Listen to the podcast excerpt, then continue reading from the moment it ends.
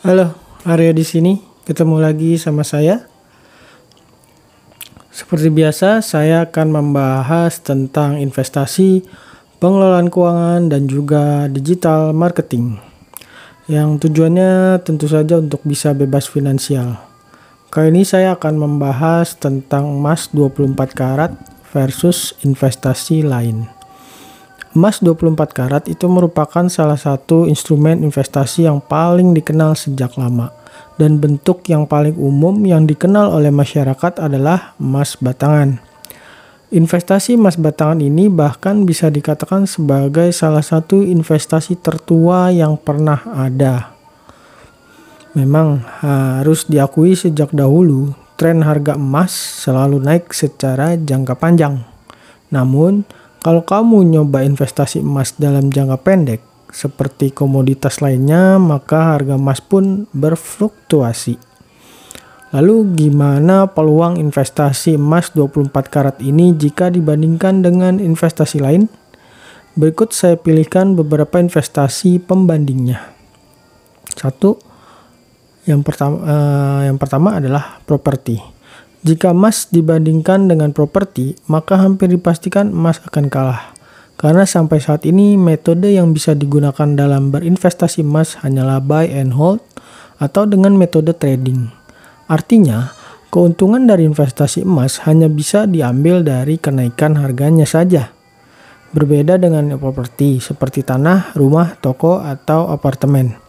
Properti bisa menghasilkan keuntungan dari kenaikan harga, dan juga biaya sewa, sehingga kamu bisa mendapatkan penghasilan pasif.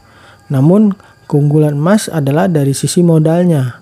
Investasi emas dapat dimulai dengan modal yang sangat kecil, bisa dengan mencicil atau menabung.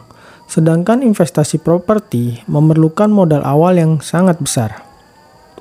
Berikutnya adalah eh, yang kedua adalah investasi saham. Saham memiliki keunggulan dari investasi emas karena memiliki dua sumber keuntungan, yaitu kenaikan harga saham serta dividen perusahaan. Namun dari sisi resiko tentu saja emas lebih baik. Meskipun emas juga akan mengalami penurunan harga, namun secara jangka panjang emas itu secara historis cenderung naik. Selain itu, untuk berinvestasi saham kamu perlu pengetahuan khusus tetapi jika dilihat dari potensi keuntungannya, saham memiliki potensi yang sangat besar. Karena dengan saham, jika kamu bisa memilih saham yang tepat, keuntungan kamu bisa berkali-kali lipat. Selain itu, kamu juga bisa mendapatkan penghasilan pasif dari dividen. Berikutnya investasi yang ketiga adalah mata uang asing.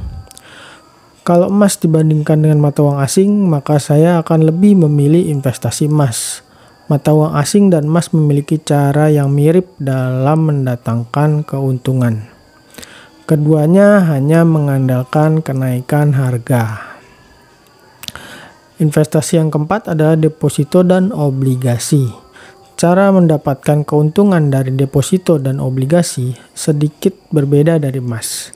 Deposito dan obligasi bisa memberikan keuntungan berupa bunga dan kupon Memang ha, untuk khusus untuk obligasi kita bisa menjual obligasi yang kita miliki. Namun utamanya dari obligasi juga seperti deposito. Sehingga jika kamu menginginkan penghasilan pasif yang aman, maka deposito dan obligasi cocok untuk kamu. Hanya saja yang perlu diingat adalah bunga deposito biasanya tidak jauh dari inflasi. Bisa sedikit lebih rendah atau sedikit lebih tinggi. Sedangkan obligasi biasanya kuponnya di atas inflasi. Sehingga untuk kamu yang mau menghindari inflasi tapi pengen penghasilan pasif secara rutin, maka obligasi itu cocok untuk kamu. Lalu investasi yang kelima adalah uang kripto. Uang kripto bisa mendatangkan keuntungan dengan kenaikan harga serta melalui penghasilan pasif. Cara mendapatkan penghasilan pasif dari uang kripto adalah dengan metode staking. Namun resiko yang dimiliki oleh uang kripto sangatlah besar, sehingga saya sendiri pun tidak berinvestasi pada uang kripto. Karena uang kripto tidak memiliki underlying, underlying aset Investasi yang berikutnya adalah peer-to-peer lending.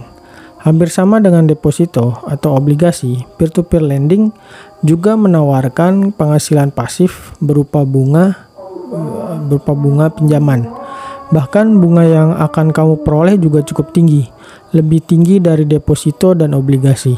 Meskipun resikonya juga lebih tinggi, hal yang perlu diperhatikan uh, jika kamu ingin memilih investasi ini adalah jangan asal dalam memilih penyedia layanan ini.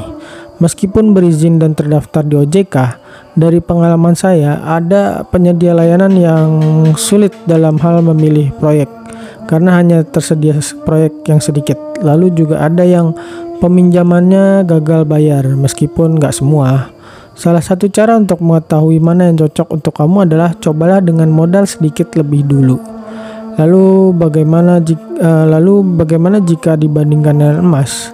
Jika kamu menginginkan penghasilan pasif yang tinggi, maka kamu bisa memilih investasi ini. Baik, itulah tadi perbandingan antara investasi emas 24 karat dengan investasi lainnya. Hal yang perlu diperhatikan adalah apa pun investasi yang kamu pilih, Selalu pelajari terlebih dahulu, karena selayaknya investasi akan selalu ada resiko ruginya. Dan ingatlah bahwa investasi emas 24 karat bukanlah investasi yang membuat kita kaya, tetapi akan menjaga kita tetap kaya. Jadi, kamu pilih investasi yang mana? Oke, sampai di sini pembahasan tentang emas 24 karat versus investasi lain.